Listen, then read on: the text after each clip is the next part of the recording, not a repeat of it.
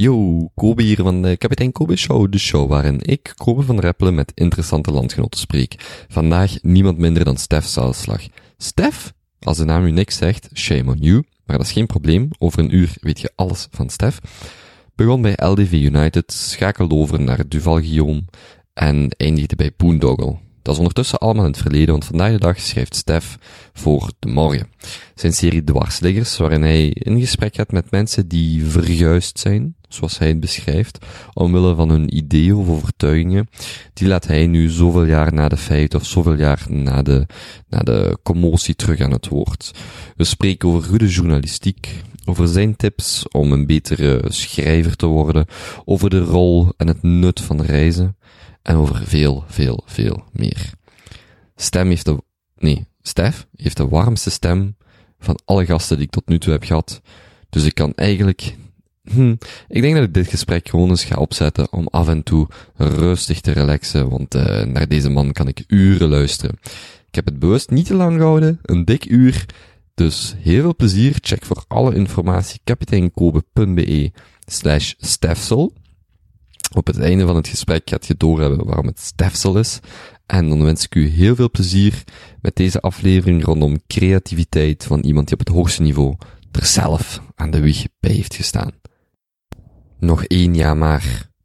Dit gesprek is opgenomen begin van het jaar, begin 2016. En terwijl Stef spreekt over zijn serie dwarsleggers, loopt hij natuurlijk al.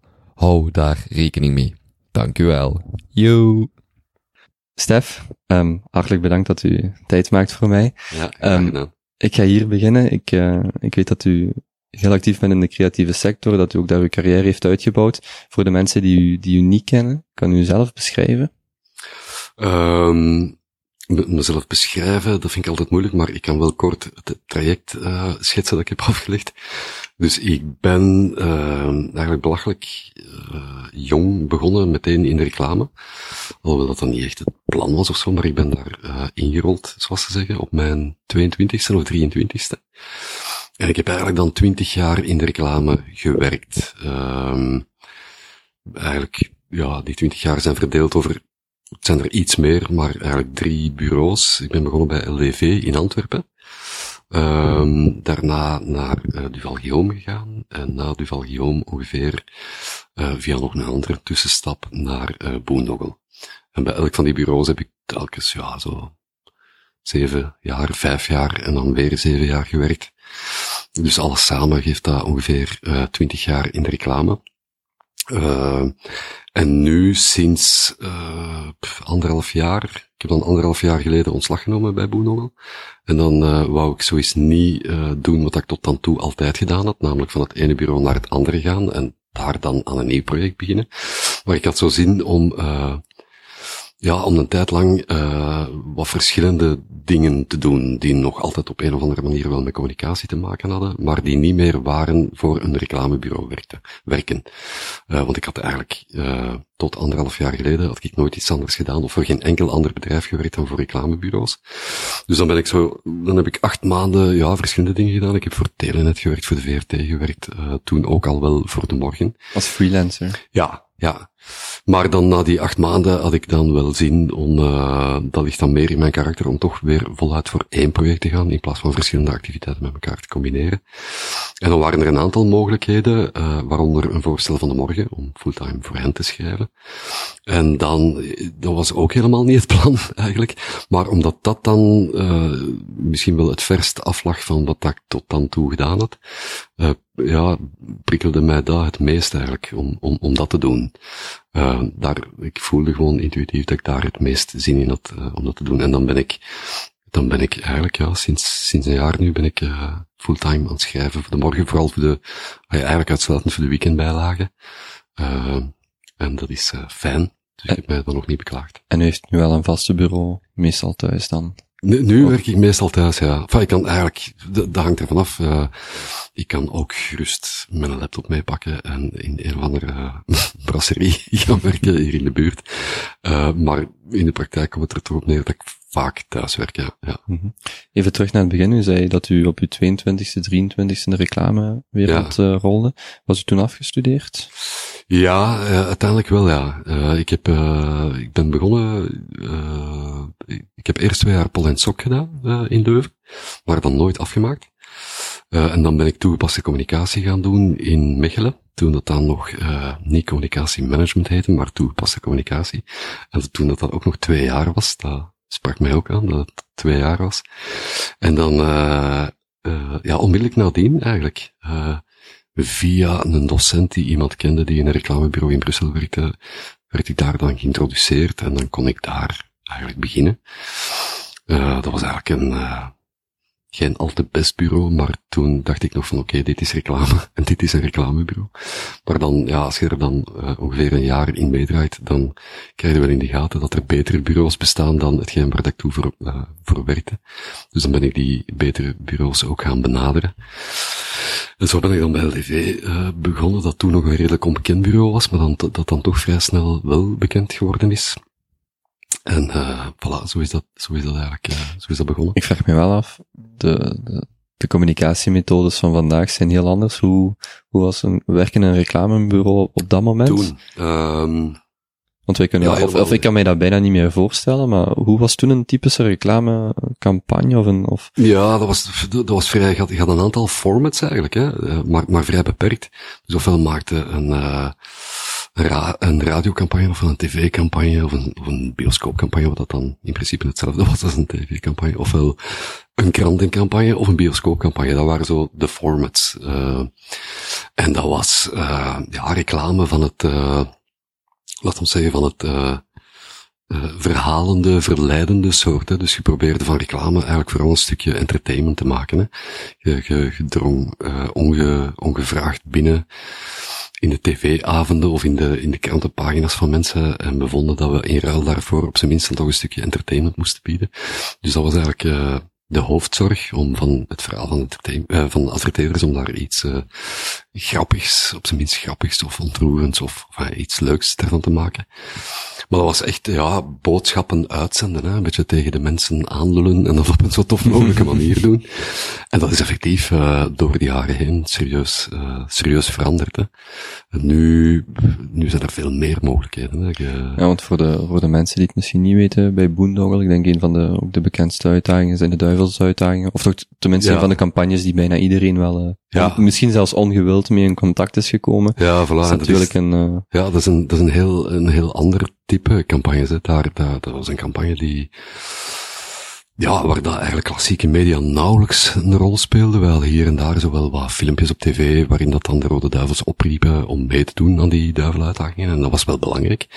Maar dat nam meer de vorm aan van een project, hè, waarbij, uh, waarbij het echt de bedoeling was om de supporters uh, onwaarschijnlijke dingen te laten doen en die echt bijna deel te laten uitmaken van die ploeg.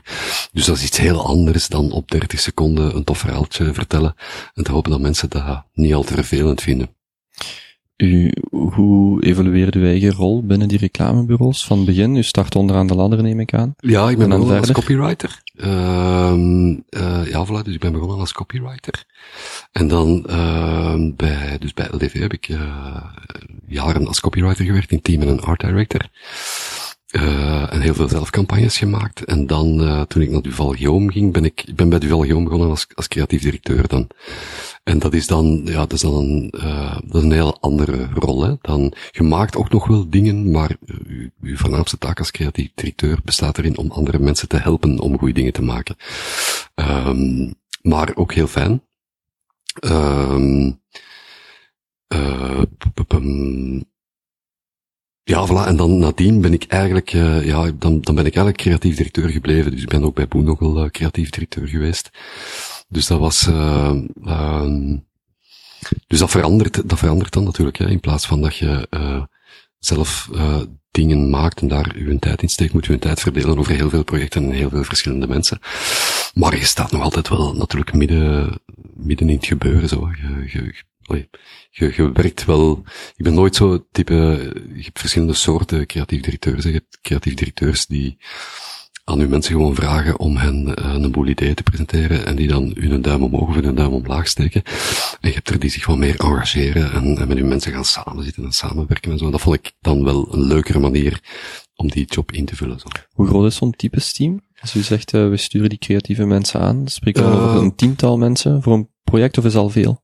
Ja, god, dat is, dat is ook wel, dat is ook wel veranderd in de loop der jaren. Hè. Vroeger, uh, en dat heeft te maken met het, met het toegenomen aantal mogelijkheden dat je hebt in de reclame. Vroeger was dat relatief beperkt. Hè. Dan, dan, had, uh, dan, dan superviseerde een creatief directeur eigenlijk bijna uitsluitend het team van, van creatieven. Uh, en dat was al, ja, in een middelgroot bureau waren dat dan toch al wel een tiental creatieven effectief.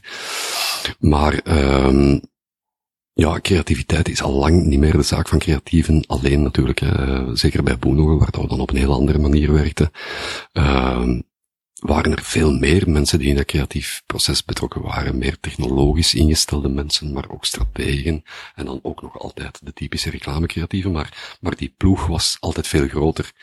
Dus die, die, die job is ook wel meer en meer geëvolueerd naar, uh, ik vergelijk dat altijd, zeker bij Boendogel, naar een soort van, van regisseursfunctie eigenlijk zo. Dat je, dat je er goed op let, dat je voor een bepaald project, uh, de juiste mensen selecteert, uh, maar dat je ook op de juiste momenten de juiste mensen samen aan tafel zet om dan de goede ideeën te doen ontstaan. Uh, want dat was wel, dat, dat is wel hoe langer hoe meer belangrijk geworden. Dat je bijvoorbeeld, uh, ja, de, digitale talenten of, of, of, of, of meer uh, technologisch geïnspireerde mensen op het juiste moment met creatieve in contact brengt, zodanig dat die... Ja, dat er een wisselwerking is. Dat er een wisselwerking ontstaat. Ja. Uh, en een andere keer zijn dat dan weer heel andere mensen moeten strategen met creatieve samenzetten, of nog iemand van buiten een reclamebureau. Om, om, om tot echt goede campagnes te komen, werd dat wel meer en meer belangrijk. Ja. Mm -hmm. U bent dan direct ook in die, in die reclamewereld gerold, dankzij een docent. Als u nog teruggaat, is er, uh, wist u vroeger al op een jonge leeftijd dat u creatief was of in die sector actief wou zijn? Nee, nee, nee, geen, geen van beiden eigenlijk. Ik, ik wist wel, ik had wel het idee dat ik kon schrijven, maar dat, dat was het dan ook. Um, maar ik, het was absoluut niet mijn plan van ik, ik wil later in reclame terechtkomen. Um, um, dus dan toegepaste communicatie gaan studeren om toch in die in die sfeer te blijven? En dan ja, toevallig... ik, ben dat, ik ben dat eigenlijk gaan studeren omdat ik zo wel ergens het vage gevoel had dat dat aansloot bij wat dat mij interesseerde en, en wat dat ik misschien ook wel goed kon, maar zonder dat ik een beeld had van ik wil ofwel in de journalistiek ofwel in de reclame terechtkomen. Ik had daar eigenlijk helemaal geen beeld van, van, van wat ik dan precies wou gaan doen. Ik had ook geen beeld van, oh, ik wil in de media gaan werken. Ik wou gewoon die studie doen en zonder erbij stil te staan wat dat dan later zou, uh, zou opleveren. Maar ja, ik ben er dan wel aan begonnen. En dan, uh, ja, dan bleek dat wel goed te lukken. En ja, ik, ik weet dat niet altijd zo. Ofwel begin het leuk te vinden omdat je het goed kunt. ofwel kun je het goed omdat je het leuk vindt. Ja, dat, dat weet ik. Ik kan niet altijd even goed dat onderscheid maken. Maar enfin, pas op, ik heb, ik, ik, heb het altijd wel leuk gevonden om in de reclame te werken. Ik heb dan altijd wel een, uh, een, een heel toffe job gevonden. En dan toch na twintig jaar de, de keuze dan gemaakt om eigenlijk andere dingen te gaan doen en uiteindelijk ja. voltijds journalist, eh, noemt het zo journalist of schrijver of ja, auteur? of... Oh, ja, ik, heb, ja ik, ik, ik, zal nog altijd niet snel geneigd zijn om mezelf journalist te noemen, alhoewel dat ik continu voor een krant schrijf. Um, maar hoe komt dat, dat ik dat dan, dat, dat, dat ik dan toch enige schroom ondervind om, om mezelf zo te noemen? Ja, ik, ik weet het eigenlijk niet juist. Um, alhoewel dat, naarmate dat ik het langer doe, heb ik er ook minder moeite mee om, om, uh, om, om dat dan onder mijn naam te zien staan ergens of zo. Um, ja, waarom, waarom? Uh, eigenlijk was dat ook weer niet zo'n, zo'n, uh, zo'n, uh, wel overwogen of, of lang op voorhand uitgestippeld plan. Dat is echt meer het gevolg geweest van dat jaar waarin dat ik dan een aantal verschillende dingen heb gedaan. Wat ik wel voelde, ja, ik voelde op een of andere manier aan dat het, dat het wel tijd was om zo eens uit die realiteit van een reclamebureau te treden. Omdat ik dat twintig jaar aan een stuk had gedaan en omdat mij dat zo net iets te voorspelbaar leek om dan weer naar een ander bureau te gaan en daar dan weer aan een nieuw verhaal te beginnen. Dus ik voelde wel aan van, ja, ik heb precies zin om iets anders te doen, maar dat was eigenlijk niet omdat ik een degoe had van de reclame of dat ik de reclamesector helemaal beu was of mijn job helemaal beu was. Dat was het eigenlijk niet. Maar ik was wel, wel nieuwsgierig zo naar een ander soort mensen en een ander soort bedrijven om, uh, om eens voor te werken. Ja, en dat is dan, dan, dat, daar is dan weer van alles uitgekomen dat tot dit geleid heeft, maar, maar zonder dat dat echt een heel wel doordacht plan was. En, en kende u dan iemand bij de morgen, of kreeg, kreeg u spontaan een aanbieding, of is u spontaan gesolliciteerd? Wel, het toeval wil dat uh, eigenlijk de, de, de laatste maanden dat ik uh, bij Boendogel gewerkt heb, hadden we net de morgen als klant gewonnen. Die hadden dan een competitie uitgeschreven, zoals het dan uh, in de reclame heet. Uh, en wij hadden die gewonnen. Dus ik, ik, ik had dan bij de morgen wel wat mensen leren kennen. En het was wel, het was wel mijn plan in dat jaar, hè, waarin dat ik verschillende dingen ging doen.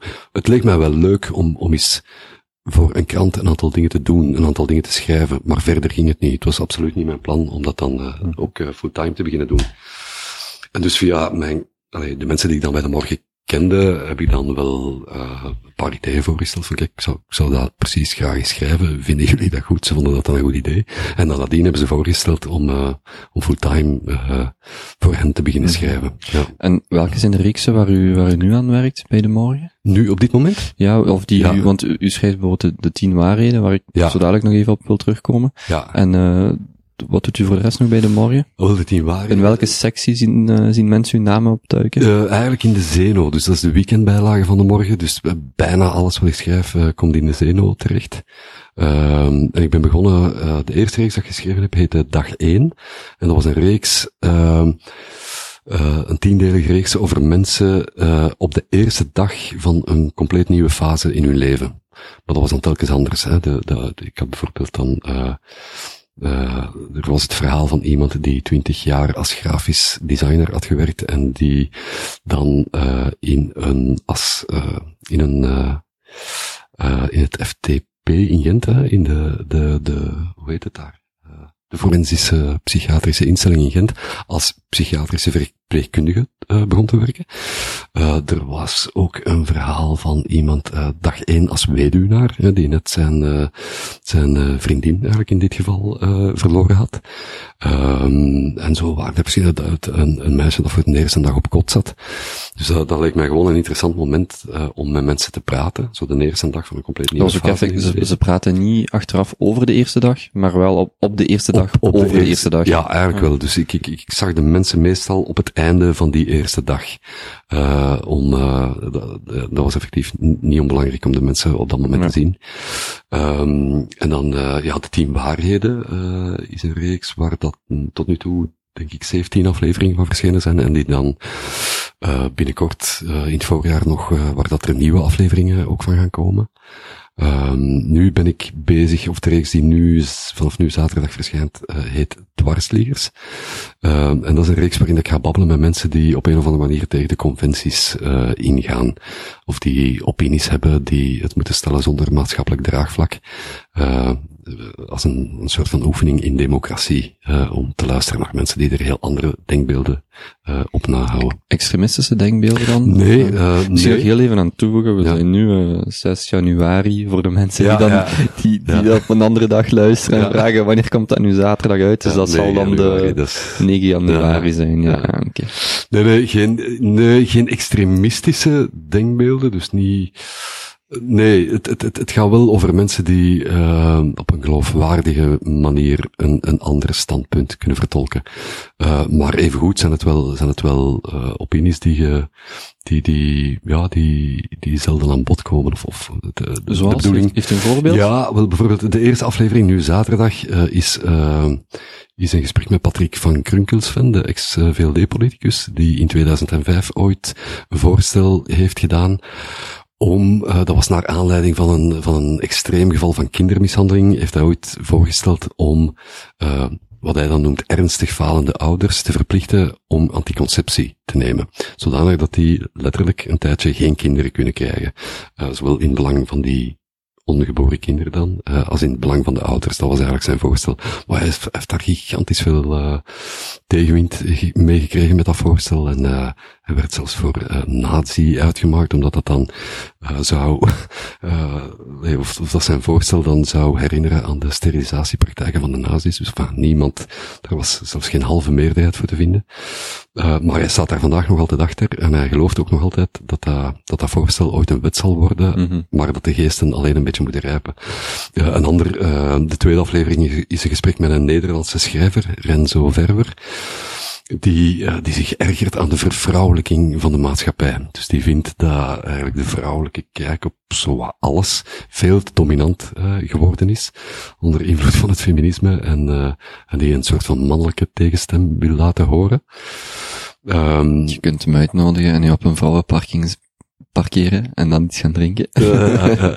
dus het zijn, het zijn, het zijn wel aparte standpunten, maar allee, de, de, ervaring die ik tot nu toe gehad heb met, met, uh, met de mensen tot, met wie ik gesproken heb, dat is dat die mij op zijn minst wel aan het denken hebben gezet. Mm. En dat is eigenlijk een beetje, of dat is het effect dat ik dan graag zou bereiken, dat je, je moet het daarom niet noodzakelijk eens zijn met alles wat die mensen vertellen, maar dat je op het einde van zo'n tekst wel, uh, misschien een klein beetje opgeschoven bent. Of, of misschien in uw eigen denken wat meer nuance gestoken hebt, omwille ja. van die, die tegenstem die dan aan bod gekomen is.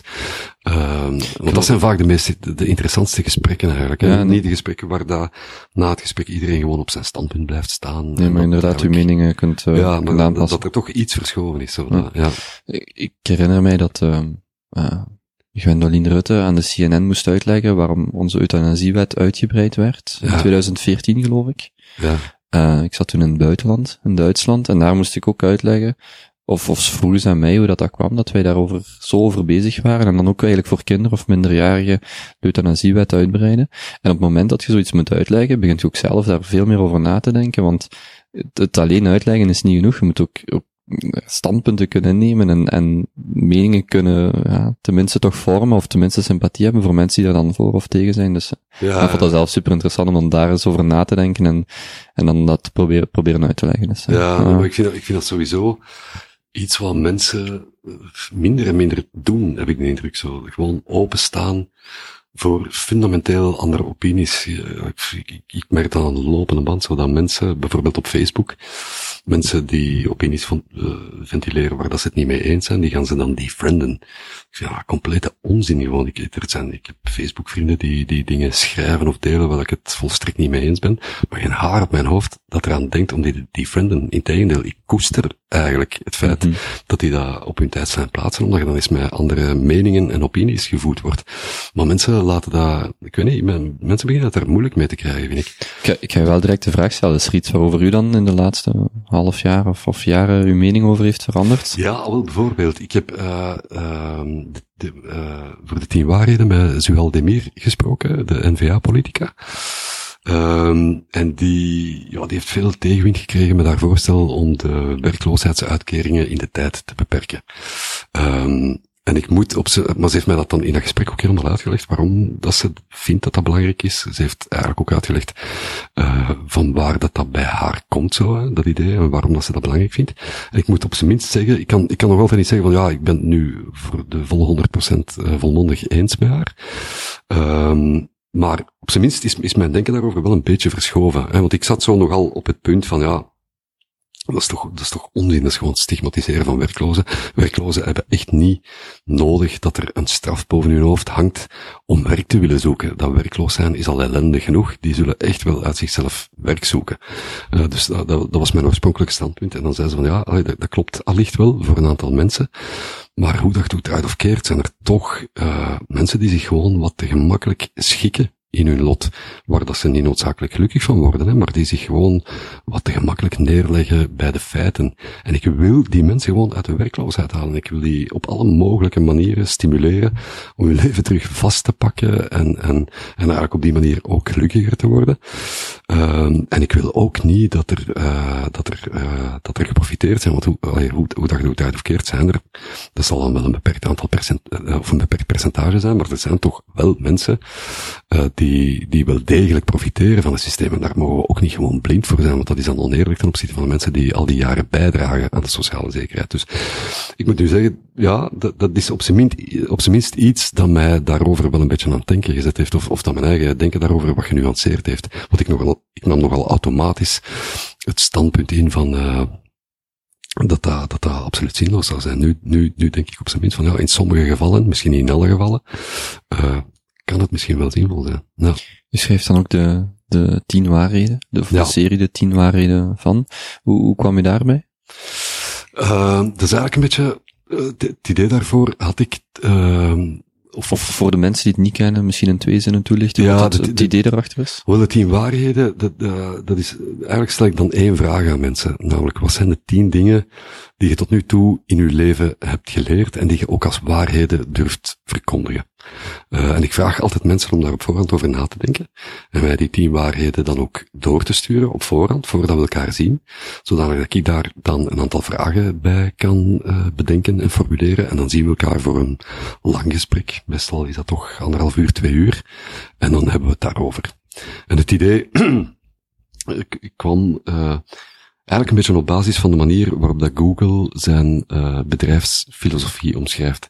Ze doen dat onder de noemer uh, 10 things Google has found to be true. Uh, en dat zijn dan dingen, dat, is eigenlijk, ja, dat is gewoon de manier waarop dat zij naar de dingen kijken. Daar, daar horen dan statements bij, à la, you can make money without doing evil. of you can be serious without a suit. of ja, dat, dat, eigenlijk hun, hun, hun tien geloofspunten, maar dan eigenlijk verpakt in tien nogal snedig geformuleerde statements. En ik dacht van, ja, dat zou wel tof zijn. Uh, mocht je in dat zinnetje 10 things Google has found to be true, Google telkens vervangen door de naam van een interessant persoon. Uh, bijvoorbeeld, uh, 10 things uh, Renus van de Velde has found to be true in zijn leven zo. En daarvan, daarvan is het gekomen zo. en ja, wat ongetwijfeld ook wel zal meespelen, is dat ik zo'n uh, ondertussen de middelbare leeftijd, of een veertiger ben, en dat dat ook zo'n moment in je leven is, waarop dat je dan uh, al dan niet geteisterd door de midlife crisis met dat soort dingen misschien wat meer bezig bent. dan dacht ik van, ja, dat, dit zijn ook, dat zijn ook de, de thema's. En is er een bepaalde waarheid van uw uh, gasten waarvan u van geschrokken bent, of geschrokken bent, of bij stil bent blijven staan? Gewoon verschillende hè? want dat is, dat is wel het zalige aan die reeks, dat is dat je daar geweldig, geweldig veel van opsteekt. Uh, uh, god, er zijn er, er zijn er verschillende. als ik er nu één zou moeten noemen, wat... Of misschien twee van uw ja, absolute wat waarheden. Wat ik, wat, ik, heel, wat ik heel interessant vond, was de manier waarop dat Thomas van der Veken het had aangepakt, de, de presentator van uh, Alleen Elvis blijft bestaan. Die had ervoor gezorgd dat uh, uh, de ene waarheid altijd de andere een beetje tegensprak. Maar met een heel duidelijke bedoeling. Uh, dus een van zijn waarheden, ik kan een voorbeeld geven, een van zijn waarheden was leef in het nu. En dan legde hij uit hoe belangrijk hij het vond om effectief in het nu te leven en uh, niet continu in het verleden of in de toekomst te leven. Maar zijn tweede waarheid die daarop volgde was dan onmiddellijk plan vooruit. wat dat dan op het eerste gezicht een, een, een contradictie is met zijn eerste waarheid, maar dat dat dan toch niet was. Want hij, zijn punt was, om in het nu te kunnen leven, moeten dat komt niet zomaar uit de lucht vallen. Je moet wel de omstandigheden creëren in je leven, waarin dat je dat kunt doen. En waarin dat je, waarin dat je, ja, ook de tijd voor jezelf creëert om in het nu te kunnen leven en, en, te genieten van, uh, van het moment zelf. Je kunt dat niet zomaar aan het toeval overlaten. Je moet dat ook plannen. En dat had hij eigenlijk telkens uh, dat had hem telkens zo gedaan. Van de ene waarheid moet eigenlijk telkens een beetje gecomplementeerd worden door zijn tegendeel. En dan kun je er ook iets mee. En dat vond ik eigenlijk heel slim, omdat het daardoor ook heel praktisch toepasbaar werd. Hè. Je hoort dat heel vaak zeggen, hè, leef in het nu, maar als je daar dan met mensen over doorbabbelt, dan valt dat in de praktijk dikwijls toch ja, tegen. En hij, in zijn waarheden stak zo telkens een heel concrete aanbeveling over hoe dat je dat dan ook daadwerkelijk voor elkaar kunt krijgen. En dat vond ik wel, dat vond ik wel heel interessant. Ja. Heeft u zelf een uh, absolute waarheid? Nee, nee, eigenlijk niet. Nee, ik heb, uh, nee, ik zou daar, uh, enfin ja, allicht wel, maar, maar ik zou daar dan... U moet u zelf toch ook de vraag hebben gesteld, niet? Ja, ja, maar ik heb, ik heb eigenlijk nooit de oefening gemaakt om die, maar ik, ik moet dat eigenlijk ook wel eens doen. uh, maar ik heb eigenlijk nog nooit tot nu toe de oefening gemaakt om die tien dan ook eens op papier te zetten. Uh, maar ik weet ook van, van allee, de mensen die ik al gesproken heb, dat die daar telkens toch ook wel wat tijd voor nodig hebben. Ik, ik contacteer die mensen ook ruim mm -hmm. op mhm. voorhand, uh, om ze de tijd te geven om daarover na te denken. Uh, maar wat dat bijna altijd terugkomt, dat is dat mensen uh, denken in het begin van, oei, tien waarheden, pff, ik denk dat ik niet eens aan tien ga geraken. En als ik hen dan zie, dan uh, blijkt altijd dat ze er 23 hadden en dat ze er 13 hadden ja. moeten, hebben moeten schrappen. Dus dat blijkt in de praktijk toch altijd wel mee te vallen. Ja. Um, u had het daarnet over uh, creatieve teams en, en, en eigenlijk ook die vragen die, die mensen moeten beantwoorden zijn ook uh, grotendeels creatief. Um, ik ben echt benieuwd hoe u uh, omgaat met uw eigen creativiteit en hoe u uh, u bijvoorbeeld oplaat om een artikel te schrijven. Ik, of ik ga misschien direct een, een concreet voorbeeld geven. U schrijft over de Fuck It Bucket van um, Saskia Scooters, als ik ja. me niet vergis. Ja. Saskia Scooters, ja. Um, hoe begint u zelf aan zo'n artikel? Hoe bereidt u zichzelf voor om, om echt een creatief, om een goed stuk af te leveren? Hmm, um, ja, dat is, uh, ja, het, het, je denkt eerst na. Ik denk dat dat belangrijk is, dat je eerst nadenkt over, dat je niet onmiddellijk begint te schrijven, maar dat je eerst nadenkt van, ja, wat, wat, wat kan ik, wat kan ik, welk punt kan ik nu maken, of wat kan ik hierover schrijven? Dus ik, probeer toch altijd wel eerst een soort van ruwe geraamte uit te werken, zo. Uh, omdat ik gewoon uit ervaring weet dat je dan gemakkelijker begint te schrijven, dat dat, maar tegelijkertijd mogen we ook niet te lang nadenken. Dus dat heb ik wel geleerd, zo, door nu een jaar eigenlijk continu te schrijven. Je mag niet te lang wachten met schrijven. Op een gegeven moment moet je toch gewoon achter je laptop gaan zitten en zinnen beginnen maken. En, en, en, een, en een artikel kan zich ook als schrijvend nog voor een groot stuk vormen. Dus het is een beetje het, het, het in het evenwicht houden van die twee zo. Hoe, lang, hoe lang doet u over een artikel? Spreek over dagen? Of? Oh, dat, dat wisselt, hè. Um, zoiets als het team waarheden, dat is, dat is, dat is vrij lang. Dat, is, dat zijn vrij lange teksten, nu ook voor dwarsliggers, dat zijn, dat zijn vrij, uh, vrij lange teksten. Dus daar zijn we toch wel een aantal dagen mee bezig. Uh, al was het maar, omdat ik ook redelijk veel tijd steek, steek in de voorbereiding. Um, dus ja, in het, ja, in, ja, in het voorbereiden van het gesprek en van de vragen en, en van de volgorde waarin je die vragen gaat stellen, je, je, je, je dat gesprek wel vrij gedetailleerd voor. Um, en dan dat schrijven zelf, ja, ik, ik ja, ik, ja, het, het varieert, hè, maar dat zijn toch wel een aantal. Zo voor zo'n stuk, alle de tien waren. Ik denk, als je, als je dat allemaal op, zou optellen, dan komt het toch gemakkelijk aan vier, vijf dagen, ja. U, u zegt net op uw laptop, bent u een digitale creatief, of een digitaal creatief persoon? Schrijft u alles uh, op uw laptop? Werkt u alles vanaf uw, ja, vanaf uw toestel? Ja. Ja, ja, absoluut, ja. Nooit zelf schrijven, handmatig, nee, analoog? Nee, nee, eigenlijk niet. Nee, zo dat, dat, dat schema, zo dat, wat ik net zei, was, zo het geraamte van uw tekst of de opbouw van uw tekst, mm -hmm. dat, dat schrijf ik dan wel gewoon met een bik op papier. Maar uh, voor de rest, nee, ik schrijf uh, veel beter. Uh... Ik vraag me vaak af, ook bij muzikanten, maar eigenlijk ook bij schrijvers of auteurs, beseft u voor u iets publiceert dat het een goed stuk is? Of komt achteraf door recensies of kritieken of opmerkingen pas? Weet u dit wat ik nu inlever, dat is een fantastisch stuk? Of... Um... Uh, ja, goh. Het hangt ervan af wat, het hangt er een beetje vanaf wat de definitie is van een fantastisch stuk natuurlijk. Hè. Wat dat je, um, maar je hebt daar toch wel een idee van. Hè. Ja.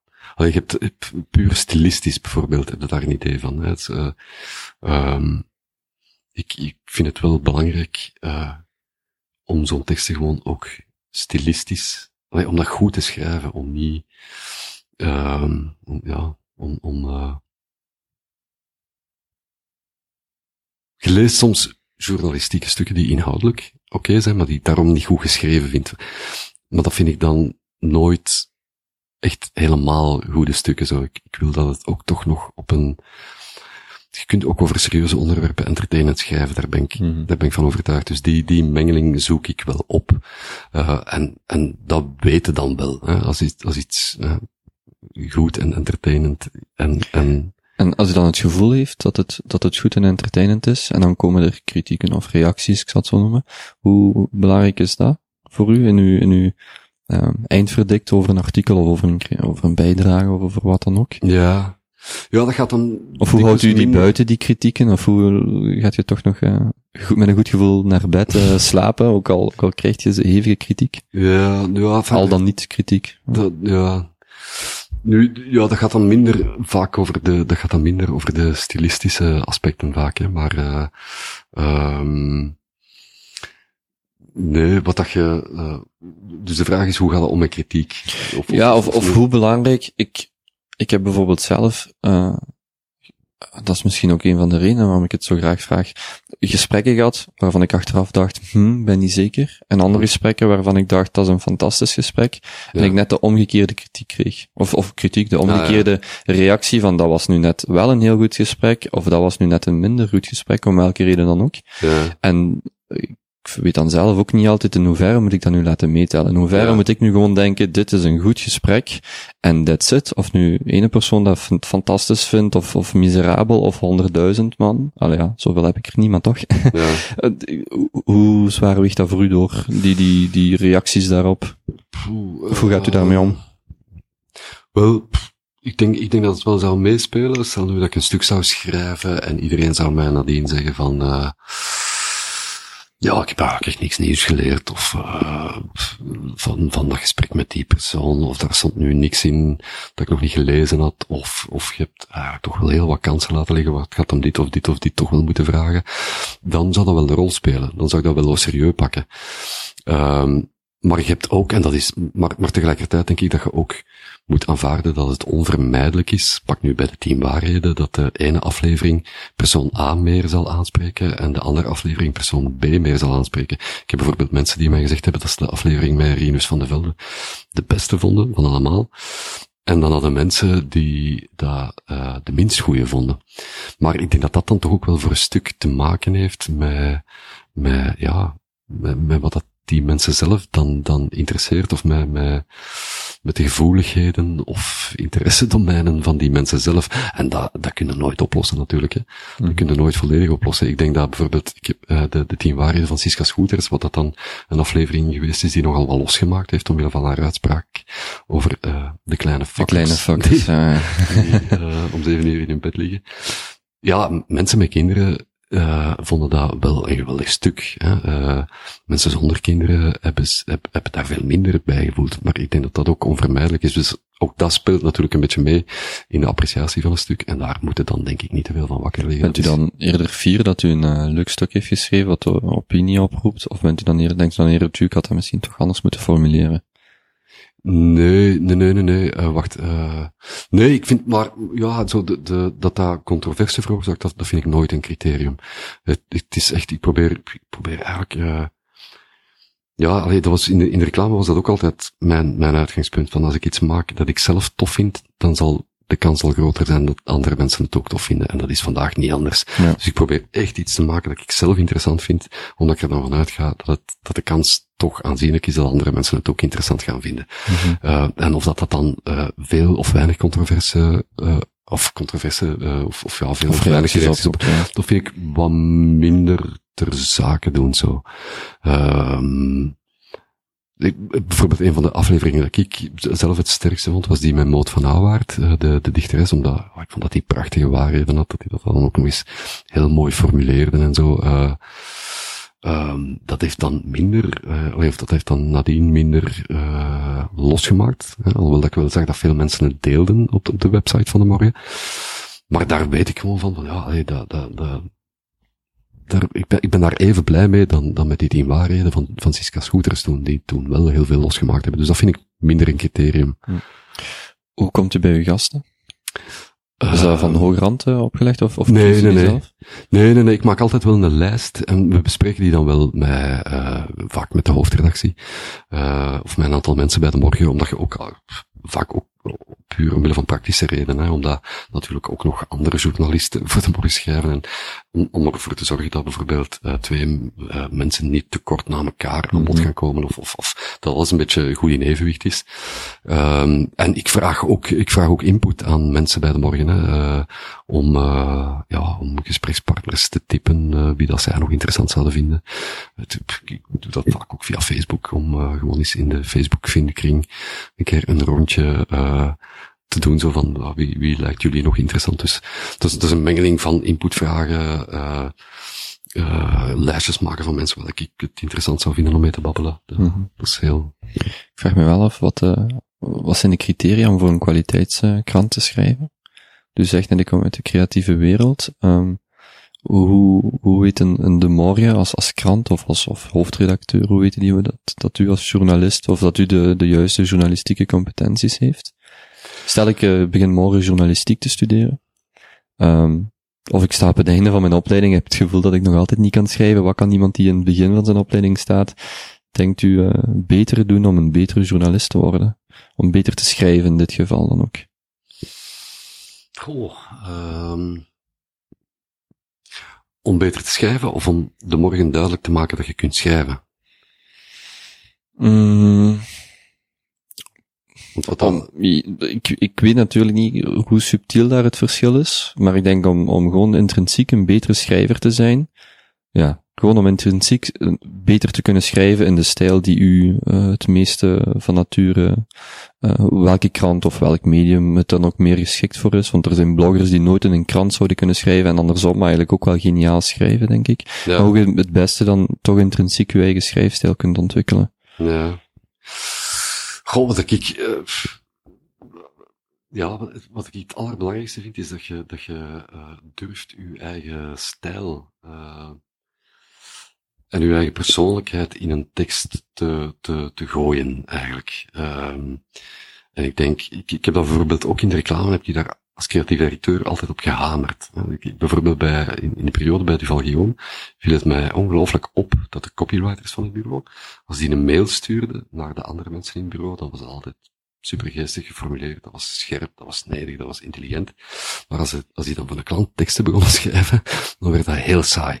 Omdat ze zich, uh, onbewust, maar ik denk uh, nog vaker bewust, conformeerde aan wat dat zij dachten dat een reclametekst moest zijn. En omdat de meeste reclameteksten gewoon eh, echt heel saai zijn en, en 13 in een dozijn teksten zijn, hadden ze de neiging om, zich daar geweldig aan te conformeren. Zo, dat was dan wel grammaticaal, was dat juist, en daar stonden geen taalfouten in, maar dat leverde gewoon een saai stukje op. En, uh, en daar heb ik wel toen veel werk van gemaakt, zo, om, uh, heb toen uh, in bureau zo'n workshop gegeven, tien leugens over copywriting. En dat was er expliciet op gericht om mensen te verlossen van alle regeltjes die ze zichzelf hadden aangepraat, waaraan dat copywriting toen moest, moest beantwoorden. En dat heeft echt, maar, maar dat, was, dat had eigenlijk maar één doel, en dat was aan, aan die mensen vragen van, ja, ligt uw eigen gevoel voor humor in die teksten durft u, u, uw eigen, eh, vergeet niet uw eigen intelligentie als je begint te schrijven, stik daar gewoon uw eigen persoonlijkheid in. Je gaat er meer plezier aan beleven en het gaat betere teksten opleveren. En, en dat werkte wel. Want uh, ik, ik weet nog, we werkten toen voor Virgin Express, de, de, vlucht, de luchtvaartmaatschappij. En niet lang na die workshop kreeg ik dan een tekst, uh, die moest gaan over de vliegtuigmaaltijden van Virgin Express. En die begon met de zin, uh, is er een wet die zegt dat voedsel boven de 10.000 meter moet veranderen in een smakeloos brei. En toen dacht ik van, voilà, dat is, een reclametekst mag ook zo beginnen. Ja, ja. En ik heb hetzelfde uh, met de journalistiek. Of dat zou, dat zou zijn wat ik mensen die journalist willen worden, ook zou willen aanrijden van, van zich niet te conformeren aan wat zij denken dat een journalistieke tekst moet zijn. Want er zijn natuurlijk ook, ja, als je kranten leest en ik kan me inbeelden dat je als beginnend journalist of, of als uh, nog net niet afgestudeerde die het in de journalistiek wilt gaan maken, dat je dan wilt dat je teksten lijken op ja, de teksten die je in de kranten leest en dat je daaraan begint te confirmeren. Maar dat vind ik altijd een slechte weg om te kiezen. Je moet gewoon moet gewoon echt teksten vanuit jezelf schrijven en daar je eigen stijl in durven leggen. Um, Eigenlijk voor jezelf schrijven, in de eerste plaats. Ja, ja, u, u, uzelf, uzelf niet, niet uitschakelen zo. Um, uzelf niet uitschakelen. Uh, en, en dat effectief uh, durven doen, dat levert betere teksten op, dat levert persoonlijker teksten op en, en, en vaak zijn die dan ook beter geschreven.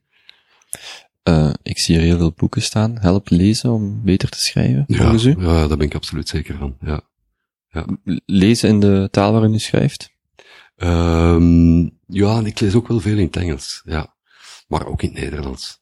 Maar ja, daar ben ik absoluut van overtuigd dat dat, dat, dat helpt, ja.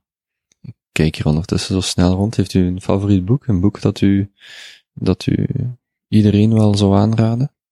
Ja, of verschillende, maar ik ben nu, allee, om, om, om dan binnen de Nederlandstalige boeken te lezen. Ik ben, ik ga binnenkort voor uh, dwarsliggers ook uh, Ilja Vijver uh, zien.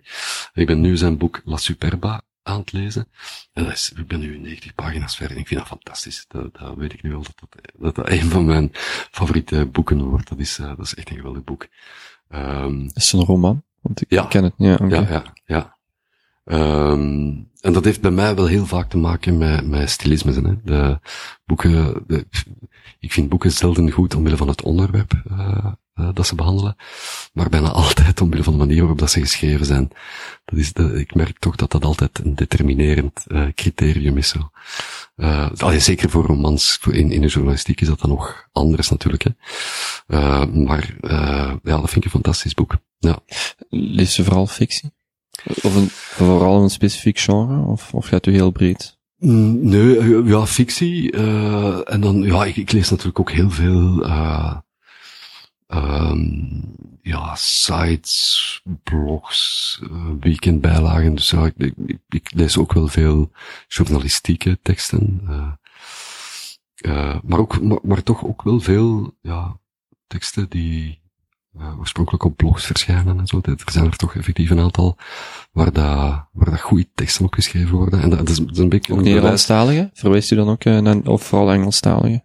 Ja, nee, ook Nederlandstalige. Uh, dat zijn, ah, pas op, dat zijn, dat zijn, dat is niet daarom dat ik dagelijks bepaalde blogs volg, maar dat zijn dan vaak teksten die, die, die, die je dan via, via op Facebook ook ziet verschijnen. Zo. En die, die, die dan ook wel een beetje een bewijs zijn van mijn stelling, zo dat je, die zijn heel persoonlijke teksten. Um, uh, maar die net daarom vaak wel goed zijn, omdat daar dan zo'n soort van engagement uh, in zit, die je misschien in sommige andere journalistieke teksten wat minder hebt. Uh, dat je zo voelt van, oké, die persoon heeft zichzelf volledig in die tekst gelegd. En dat vind ik, dat, daar, daar hou ik wel van zo. Dat is natuurlijk niet het enige criterium voor journalistieke teksten. Hè. Uh, alles, alles behalve, maar ik vind, ik vind die combinatie wel tof. Wat ik daarnet zei, zo dat je niet noodzakelijk op een gort droge of uh, strikt neutrale manier over serieuze onderwerpen schrijft, maar dat je toch ook op een uh, ja, geëngageerde of wat persoonlijker manier over, of entertainende manier, entertainende manier over zeer serieuze onderwerpen schrijft. En ik denk net we, of, of, ik denk dat, dat we, hoe langer we meer ook evolueren aan, aan een model waar heel veel freelance werk gedaan wordt en eigenlijk mensen die gewoon goed schrijven en hun ding doen, um, dat die eigenlijk altijd gemakkelijk wel opgepikt worden, of zullen worden opgepikt worden in de toekomst, of, ja, of hun ei kwijt kunnen, meer en meer, omdat er ja. zoveel journalistieke vrijheid is in vergelijking met pak twintig jaar geleden, toen, toen bestonden blogs of, of podcasts of weet ik veel wat niet. Ja. En dat het nu wel gemakkelijker is om je eigen idee te publiceren, en uh, er is ook meer concurrentie neem ik aan, maar toch, toch gemakkelijker om, uh, om, om, die richting uit te gaan. Iedereen kan tot op zekere hoogte zijn eigen medium zijn natuurlijk. Hè. Maar je ziet ook dat veel kranten, of meer en meer, uh, regelmatig uh, goede teksten van bloggers ook gewoon dan op de krantenpagina's op hun, of op hun site uh, publiceren. Hè. Dus het is ook een, een soort van, ja, of, of, kranten gaan daar ook bijdragen zoeken. Hè. Ja, en voor de rest, ja. Goh, u, u schrijft bijvoorbeeld ook uh, kutreclame. Een artikel waar ik, ik denk, een van de eerste keren met u in contact kwam, dat u uh, ja. uh, eigenlijk argumenteerde dat elk reclamebureau wel een paar mensen zou moeten hebben die reclame absoluut haten. Ja. dat was ook uw eigen opinie op dat moment, die, die, die u schrijft, of, of had dat een bepaald nut, nee, nee, dat artikel? Dat was echt, nee, dat, nee, dat had absoluut geen nut. Dat was, dat was, dat was media marketing, het vakblad dat, dat mij gevraagd had om de column te schrijven. En dat, vond ik dan op dat moment een goed onderwerp. Uh, maar dat, dat, dat is zo, hè. Bij, bij, vooral bij Boenogel waren er een aantal mensen, jonge mensen zo, die ja, in wezen een bloedhekel hadden aangedaan. maar ik vond het altijd wel heel interessant om met die mensen in een vergaderzaal te zitten. Omdat die, uh, omdat je door met hen te babbelen dan toch tot een ander soort ideeën kwam, uh, dan, uh, dan als je er met andere mensen over, over praten. Dus ik vond dat, ik vond dat heel interessant. Ja die begonnen dan ook veel meer te denken, uh, ja, vanuit, vanuit een soort van nuttigheidsgehalte. Hè. Hoe kunnen, hoe kunnen... Ja, de relevantie van de reclame. Relevantie, hoe kunnen merken zich, zich echt nuttig maken voor consumenten, in plaats van gewoon een verhaaltje vertellen aan consumenten waarin ze zichzelf dan wat mooier voordoen dan dat ze in, in, in wezen zijn. Hoe kunnen ze zichzelf beter, hoe kunnen ze, hoe kunnen ze hun aanbod verbeteren, hun diensten, hun producten verbeteren, wat kunnen we daaraan toevoegen? Uh, dus is, was... is er een bepaalde reclamecampagne die volgens u er echt met kop en schouders bovenuit steekt in de, pak in de laatste jaren of, of zelfs in het laatste decennium? Ik denk bijvoorbeeld, en dat gaan natuurlijk niet zoveel mensen kennen, maar uh, uh, einde 2014 heeft Edeka, de Duitse supermarktketen, hebben die ook een filmpje opgemaakt, eigenlijk een liedje, met een, een bekende Duitse gast. En uh, zij gebruikte de term supergeil, constant, wat eigenlijk gewoon een Duits woord is, maar de hele tijd in dat liedje. En dat is een woord wat zo vaak in de Duitse taal of, of spreektaal voorkomt, dat praktisch iedereen met wie je sprak, zelfs nog maanden na die campagne, onbewust dat woord linkte aan die reclamecampagne. En ik vond het op zich vrij geniaal. Het, het nummer was super goed geproduceerd, vond ik. Het was heel professioneel. Maar dat ze zo ver eigenlijk kwamen om een, een gewoon dagdagelijkse woord te linken aan een bepaalde reclamecampagne, vond ik persoonlijk heel, ja, ik ben ook wel gepassioneerd door marketing en reclame, dus ik vond dat super chic. Een beetje zoals, um, ik denk, uh, ik weet niet of het Win for Life is, maar uh, met een, met een reclamecampagne van wordt schandalig rijk. Uh, ik, ik vind het op zich best grappig en dan blijft zoiets wel bij, maar ik weet niet, ja, je zit er veel dieper in. Is er een bepaalde campagne dat u zegt, dat is nu echt geniaal vanuit verschillende standpunten? Goh. Of vanuit een specifiek standpunt? Ja, er zijn er, zijn er absoluut. Hè. Er zijn er zoveel dat het dan moeilijk wordt om er zo een uit te pikken. Uh, wacht, uh. Ja, goh, ik kan het niet, ik, ik vrees dat ik het niet geweldig goed kan reconstrueren, maar, maar een, redelijk recent idee dat ik wel heel interessant vond, um, was een idee, uh, wacht, hoe zat het nu weer? In ieder geval een, een van een organisatie die zich bezighield met het dierenwelzijn en die een campagne wou doen om, uh, ik denk het uitsterven of het jachtmaken op tijgers uh, tegen te gaan. Maar in plaats van daarvan dan de zoveelste sensibiliseringscampagne uh, voor te bedenken, en waarin dat gezegd wordt hoe erg het probleem wel is, hebben ze gewoon ja, meer een, een soort van oplossing bedacht, of hebben ze op zijn minst iets gedaan. Uh, wat, ze gedaan hebben, moet zien dat ik het goed kan reconstrueren, want anders ga ik misschien uh, foute dingen vertellen. Maar ik denk dat het erop neerkwam dat ze, uh, ze hebben ervoor, uh, ze hebben contact opgenomen. Je ziet op kleren uh, soms afbeeldingen van tijgerkoppen, t-shirts met tijgerkoppen, broeken met tijgermotieven. Je hebt allerlei kledingstukken waar dat, tijgermotief een rol in speelt. En, uh, ze hebben met die merken contact opgenomen en een, soort van label gecreëerd, uh, waarvan de naam mij nu ontschiet, dus ik ben het heel slecht aan het vertellen, maar in ieder geval een label voor gecreëerd en ervoor gezorgd dat als je uh, kledingstukken van die merken koopt, dat een deel van het bedrag dat je betaalt, dat dat dan ook gaat naar uh, de organisaties die zich uh, inzetten om uh, het, ja, het jachtmaken op tijgers en het uitsterven van tijgers te bestrijden. en dat vond ik wel, dat vond ik wel een heel clever idee en, en, en ook een goed voorbeeld van hoe reclame creativiteit vandaag werkt zo. Hè. Totaal veranderd is ook. Ja, ja zo niet, niet, niet alleen uh, gewoon de, de, de perceptie van mensen proberen te veranderen over een bepaald merk, maar letterlijk het gedrag van mensen proberen te veranderen. Hè, door, door dat label te creëren, ervoor zorgen dat mensen dan ook gemotiveerd zijn om dat te kopen. En dat is eigenlijk een goed verhaal voor iedereen. Hè. Dat is een goed verhaal um, uh, voor, voor de merken die meedoen aan dat project. Dat is een goed verhaal voor de organisaties die zich inzetten voor de tijgers. Dat is eigenlijk een goed verhaal ook voor de consument ook, want die, die koopt hetzelfde, maar doet tegelijkertijd ook nog iets goeds. Dus dat is, dat is zo'n soort van reclamecreativiteit die veel meer gericht is op, ja, toch ook een soort van effectiviteit, echt iets veranderen, in plaats van alleen maar hè, dat eeuwige woord awareness creëren. Awareness creëren, dat, dat, daar komt er niet veel meer voor, denk ik, mm -hmm. tegenwoordig. Je moet echt ideeën bedenken die mensen uh, ja, in hun gedrag veranderen. Hè. Dus dat vind ik daar een goed voorbeeld van. Maar om nu te zeggen van, ah, dat is nu de ultieme. Ik vind er, ik vind er gewoon een goed voorbeeld van, van hoe dat reclame, creativiteit anno 2016 er, er zou moeten uitzien. Zonder dat dat dan de ultieme campagne van de afgelopen tien mhm. jaar is. Maar, uh, ja. Ik zag uh, bijvoorbeeld op uw Instagram-account dat u vrij veel onderweg bent, of toch vrij veel uh, reisfoto's heeft. Um, ik ben zelf ook in het buitenland geweest en, en ja, ik kan dat niet genoeg benadrukken. Hoe belangrijk was het voor u, uh, in uw, ja, uiteindelijk als u daarop terugkijkt, om naar het buitenland te vertrekken of even los te komen? Ja, mega belangrijk eigenlijk. in de eerste, ja, gewoon ik, ik ben ook iemand die altijd mensen stimuleert om naar het buitenland te gaan, op op het even wanneer, of welk, welke fase in hun leven, of om het even welk land, maar ik, vind dat per definitie uh, een van de schoonste dingen dat je met je tijd en met je geld kunt doen. Dat is uh, stukjes wereld uh, ontdekken.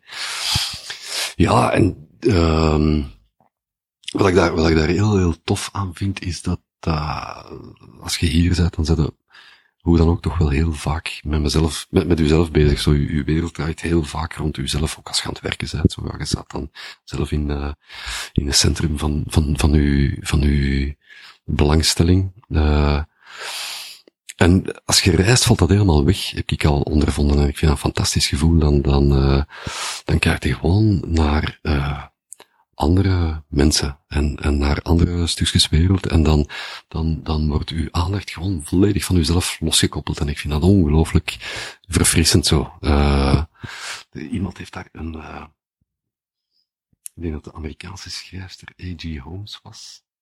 Heeft daar eens een heel mooie definitie van gegeven, die, die het voor mij volledig samenvat, maar wacht, ik ken ik ze uit mijn hoofd. Ja, ik kan het niet foutloos citeren, maar de, de, de stukken, uh, to, to step outside of your home, uh, up against a world much bigger than you are, uh, kwamen erin voor. Mm-hmm. en dat vat het voor een stukje wel samen zo. En dat, vind ik, uh, dat, dat, vind ik altijd een heel fijn, fijn gevoel zo. Los van, nee, los van, dat het sowieso heel tof is hè, om u... Als ik, als ik het mensen moest uh, samenvatten in één zin, zei ik graag dat ik uh, op elke reis een stukje van mezelf ontdekte. En dat, ik vond nog altijd dat dat best klef klinkt, maar ik vind het wel leuk om naar het buitenland te gaan en te zien dat er dingen zijn waar wij ons druk in maken, die op andere plaatsen helemaal niet relevant zijn, en andersom. Ja. Om dan, ja, er toch van te leren en dan terug te komen en te merken dat, uh, dat het ook anders kan. Ja. Niet anders moet, maar wel, wel dat is, een beetje, dat, is, dat is een beetje hetzelfde gevoel, maar anders geformuleerd, effectief. Hè. Het, uh, het verandert, ja, het, het verandert gewoon uw, uw perspectief. Um, en, en vandaar dat ik, ik vind ook, ik vind ook super naai dat we met, want we, uh, mijn zoon is zeven, maar we zijn er eigenlijk verre reizen beginnen te, mee te maken vanaf het moment dat hij drie of vier was. Um, ja, ik vind het fantastisch dat we dat met hem kunnen doen. En ik wil dat vooral ook nog lang blijven doen. Uh, de mooiste plaats die u bezocht heeft in de laatste zes, twaalf maanden? Uh, ah, zes, twaalf maanden. Dat is nog vrij, ja, vrij kort inderdaad. Ja, of, of, als ik het iets ruimer neem, de afgelopen twee jaar of zo, dan, dan vond ik het toch wel Cambodja. Ja, dat, dat, vond ik echt een fantastisch, uh, mooi. Een totale ervaring. Heel, ja, uh, ja, eigenlijk wel, ja. Eetcultuur, ja. natuur, weer, reizen. Ja, ja. ja nee, en ook zo, ja, ja, nee, alles, ja. En ook zo, ja, ook een beetje de dingen in perspectief zetten. Ik je daar dan af en toe wel schuldig bij. Ik herinner mij dat wij in Cambodja dan eens aan de praat geraakt waren in een of andere hotelke waar dat we uh, dan logeerden met, met een barman. Hè. We, gingen daar dan s'avonds nog wat drinken. En, uh, en hij vroeg ons waar dat we al geweest waren, welke plekken in Cambodja we al bezocht hadden. En we zeiden onder andere dat we toen in Siem Reap waren geweest. Dat was een plaats op ja, nauwelijks 90 kilometer van, van de plaats waar dat we toen waren. En die zei simpelweg van, Oh, Schemerep, ja, daar zou ik ook graag eens naartoe gaan. En dan, dan, dan wordt je wel geconfronteerd met het feit dat je, je voel je dan voor een stukje heel uh, slecht, hè, omdat je dan eigenlijk van, uh, vanuit België zijn land geprivilegeerd, geprivilegeerd en op een maandtijd eigenlijk alle plaatsen bezoekt die hij eigenlijk ook graag zou bezoeken, wat er hmm. eigenlijk nog nooit geweest is. Terwijl het wel degelijk zijn land is en niet het onze. Maar, uh, uh, Ja, voilà, maar dat zijn dan zo van die momenten dat je die, die wat dingen in perspectief zet. Maar het is ook, ja, hoe, hoe belangrijk is, van die, die, die reizen, zeker de langere reizen, maar toen zijn we echt voor twee maanden, ja, dat uh, zijn, we, zijn we voor twee maanden gestopt, uh, even met alles. En dan, dan merk ik wel dat ik dat om, om de zoveel jaar wel, wel doe. Uh, dat is al de tweede keer eigenlijk. We zijn ook eens drie maanden naar Thailand geweest, maar dan zijn we echt drie maanden letterlijk in Thailand gebleven. En vaak heb ik wel gemerkt dat, dat, dat ik dan nadien, dat, dat er wel iets verandert in mijn leven. Um, dat zijn dan toch vaak de, de, de periodes zo waarin dat je wat dingen in vraag stelt. Uh, en, en wat dat dan zo'n reis, waar dat zo'n reis goed voor is, is dan om daar vooral niet hard mee bezig zijn, maar die beslissing zichzelf te laten nemen. En da, da, daar is zo'n reis uitstekend voor. Hè. Uh, er zijn twee manieren om beslissingen te pakken. Je kunt dan zo op een stoel gaan zitten en heel hard je wenkbrauwen fronsen en denken van ik moet een beslissing nemen of ik ga alles op een papier de plusjes en de minnetjes en dan ga ik heel analytisch beslissen welke stap dat ik in mijn leven moet zetten. Ik heb al gemerkt dat als ik dat doe, dan neem ik de foute beslissingen. maar als ik uh, ermee bezig ben, maar het dan ook weer laat gaan. Uh, en en, en ik, ik, wat dat voor mij beter werkt, is, is uh, die beslissing zichzelf laten pakken. Ja. En dat veronderstelt dat je, de, dat je er in je hoofd wel mee bezig bent, maar zonder een beslissing te willen afdwingen. En dat kun je op zo'n reis dus fantastisch goed. Hè. Je zet er dan eigenlijk merendeel van de tijd zitten niet aan het nadenken over dat onderwerp waarover dat je zou moeten nadenken. Het is gewoon een carrièrewissel of een, of voilà. een jobswitch. Ja, ja, maar, maar op bepaalde momenten komt dat dan in je hoofd en, en dan zo neemt die beslissing gewoon zichzelf zo. Dan, ik, naar, naar mijn gevoel is dat zo goed. Dus als je morgen bij de morgen komt en zegt, ik ga drie maanden naar Hawaii, dan, dan weten ze hoe laat het is. ja, ja, ja, wie weet. Ja. heeft u, heeft u een uh, favoriete kunstvorm? Uh, moeilijk om te kiezen, maar waar ik het moeilijkst zonder zou kunnen, is denk ik toch muziek. Ja. Ik, ik, speel zelf absoluut geen muziek, dus ik heb totaal geen muzikaal talent. Maar dat, dat zou ik het moeilijkst kunnen missen, denk ik. Muziek, boeken. Specifiek genre? Maar, nee, wat nee, specifieke, nee. specifiek gebruik van muziek? Uh, specifieke reden of, of momenten waarop je muziek beluistert? Nee, ook niet, eigenlijk. Uh, nee. Nee, genre al helemaal niet, want ik heb, ik heb een bloedhekel aan, aan alles wat ook maar naar culturele correctheid neigt. Dus bij mij is dat werkelijk alles door elkaar. Um, en ook niet qua momenten, nee, nee. Uh, nee, nee, maar, maar ja, gewoon de... de, de gewoon de, mo de, de mooiheid, de schoonheid van Ja, voilà. Dat is toch, voor mij is dat toch de kunstvorm die, die het meest effect heeft zo qua, mm -hmm. of die het meest een effect kan hebben op je gemoedsgesteldheid, of uh, die, die, ja. Um, met welk historisch figuur identificeert u? um, of identificeert u het meeste? Oh, daar lang over moeten nadenken. Uh. Oh, ik heb nog de hele avond tijd hoor, maar... Ja, die vraag heb ik me nu werkelijk nooit gesteld. Misschien iets gemakkelijker een, uh, een favoriet historisch figuur. Zelfs dat. Ah, zelfs dat. Uh, wacht even. Wel, ik, ik had iemand die, uh, Sam Rieder, denk ik, hij was aan het nadenken over zijn favoriet historisch figuur. Ik zeg, ik ga het u gemakkelijker maken, u, u, waarmee u zich identificeert. En hij zegt, ja, ik wou Hitler zeggen op de eerste vraag, maar dat is natuurlijk niet het antwoord op de tweede vraag. Dus uh, dat was wel nog een verschil, ja. Ja. Goh. Denken, hè.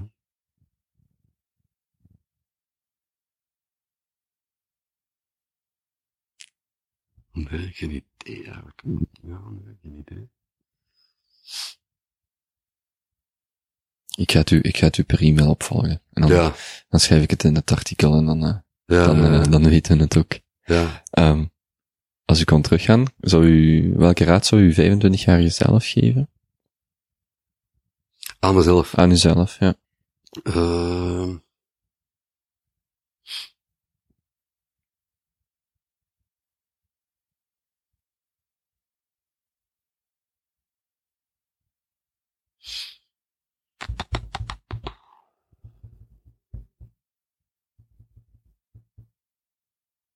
Ja, ik denk dat dat toch een beetje neerkomt uh, op wat ik daarnet zei, zo van uh,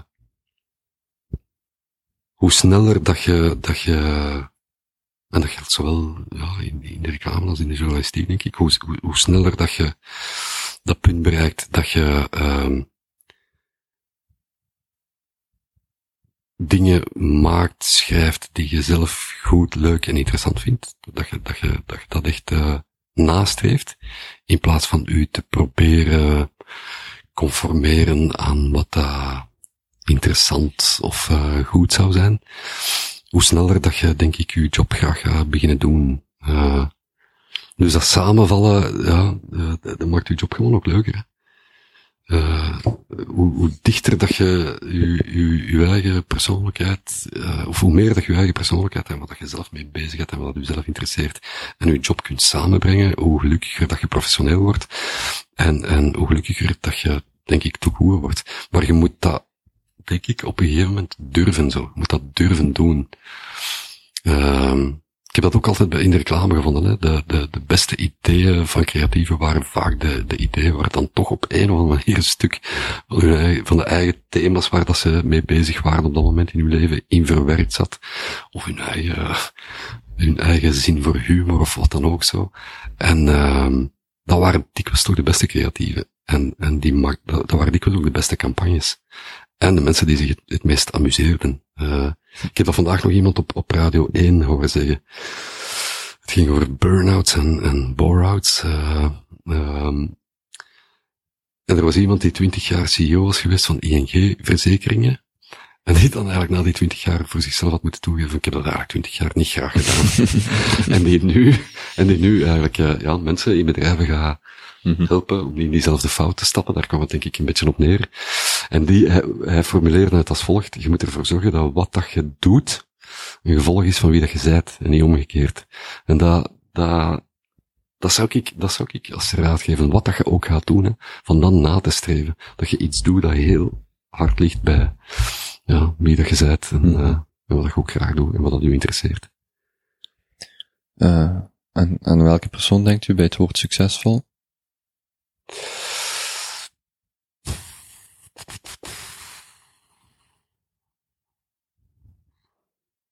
Die mensen, die, die daarin slagen. Wat dat ze ook doen, hè. Wat dat ze ook doen eigenlijk, ja. Ik denk dat dat, ik, ik, vind, dat, ik vind dat echt persoonlijk een heel goede definitie van succes. Dat als je daarin slaagt, dan, uh, dat, dat, dat vind ik succes. Dat je elke dag opstaat en dat je, dat je voelt dat wat je gaat doen, dat dat helemaal past bij je. Dat, uh, en iedereen heeft zoiets, hè. Want je hoort heel vaak zeggen van, uh, ja, maar ik heb geen uitgesproken talent. Ja, dat, dat kan goed zijn, maar je hebt, iedereen heeft, heeft, heeft interesses en, en bepaalde gevoeligheden en zo. En uh, dingen die je wel boeien of die je niet boeien. En als je erin slaagt om... Uh, Vindt u dan dat u daar zelf ook vroeger had mee moeten beginnen? nee, eigenlijk niet, omdat ik heb, ik heb, ik heb gewoon wel veel geluk gehad, denk ik.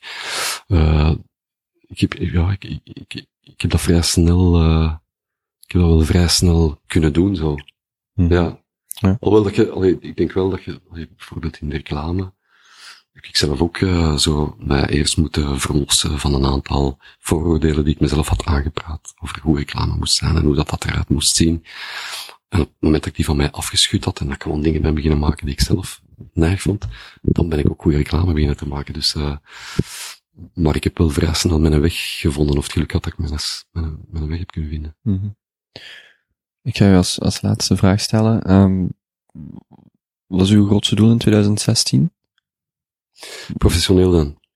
Of, uh, als, als u klinkt op 31 december, waar gaat u uh, heel uh, trots op terugkijken als u dat heeft kunnen verwezenlijken? Mag zowel professioneel als persoonlijk zijn. Ja, um...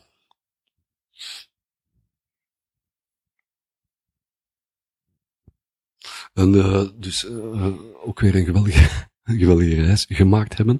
Dat is ook dat is, het plan wel voor dit jaar. Zet dan niet voor uh, twee of drie maanden. Heeft u plannen? Ja, enfin, we zijn nu, we zijn nu, we hebben het eigenlijk, omdat we zo graag reizen, uh, uh, organiseren we ons congé hier zo, dat we eigenlijk elk jaar één maand aan een stuk weggaan.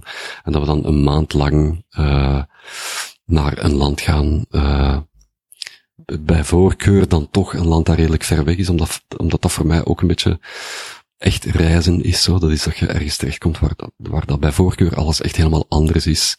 En alles ruikt en er anders uitziet dan hier zo. Dat, dat, dat, dat zit voor mij het dichtst bij reizen. Dus we proberen dan een maand lang, of, of we gaan dan elke maand uh, een maand reizen.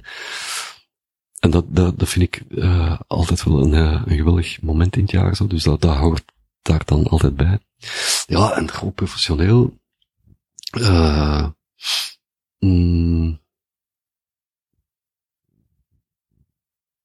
ja, is dat, is dat, ja, goede ontmoetingen, interessante ontmoetingen met mensen.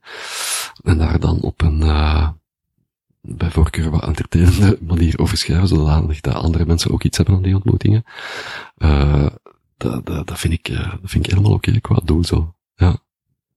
Het even graag blijven doen dan dat ik het het afgelopen jaren heb gedaan. Zo, dat zou, dat zou, dat zou fijn zijn. Ja. Wel, dan hoop ik dat dit voor u ook een, een leuke ontmoeting ja. is. Dus natuurlijk niet voor u professioneel, ja. maar uh, dan uh, is dat toch al een goed begin van het jaar. Ja. Goed, um, waar kunnen mensen u vinden? Online, offline? Uh, Facebook, Twitter, Instagram.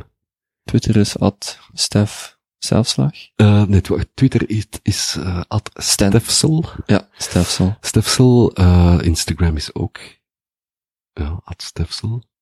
Ja, en Facebook is gewoon Stef Zelfslag. Ja. Ja. Oké. Okay. Prima, dan hartelijk bedankt om uh, tijd vrij heel te maken. Ja. En dan, ja, dan nog heel veel succes dit jaar. Ja. En, Dank u. we zullen het wel horen van de reis. Ja. Dankjewel.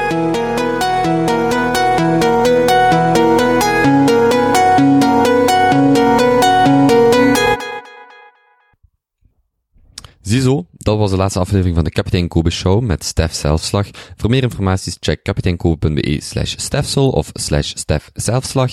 En heel veel plezier tot volgende week voor een nieuwe aflevering. En alle opmerkingen, commentaren, reacties, feedback, wat dan ook.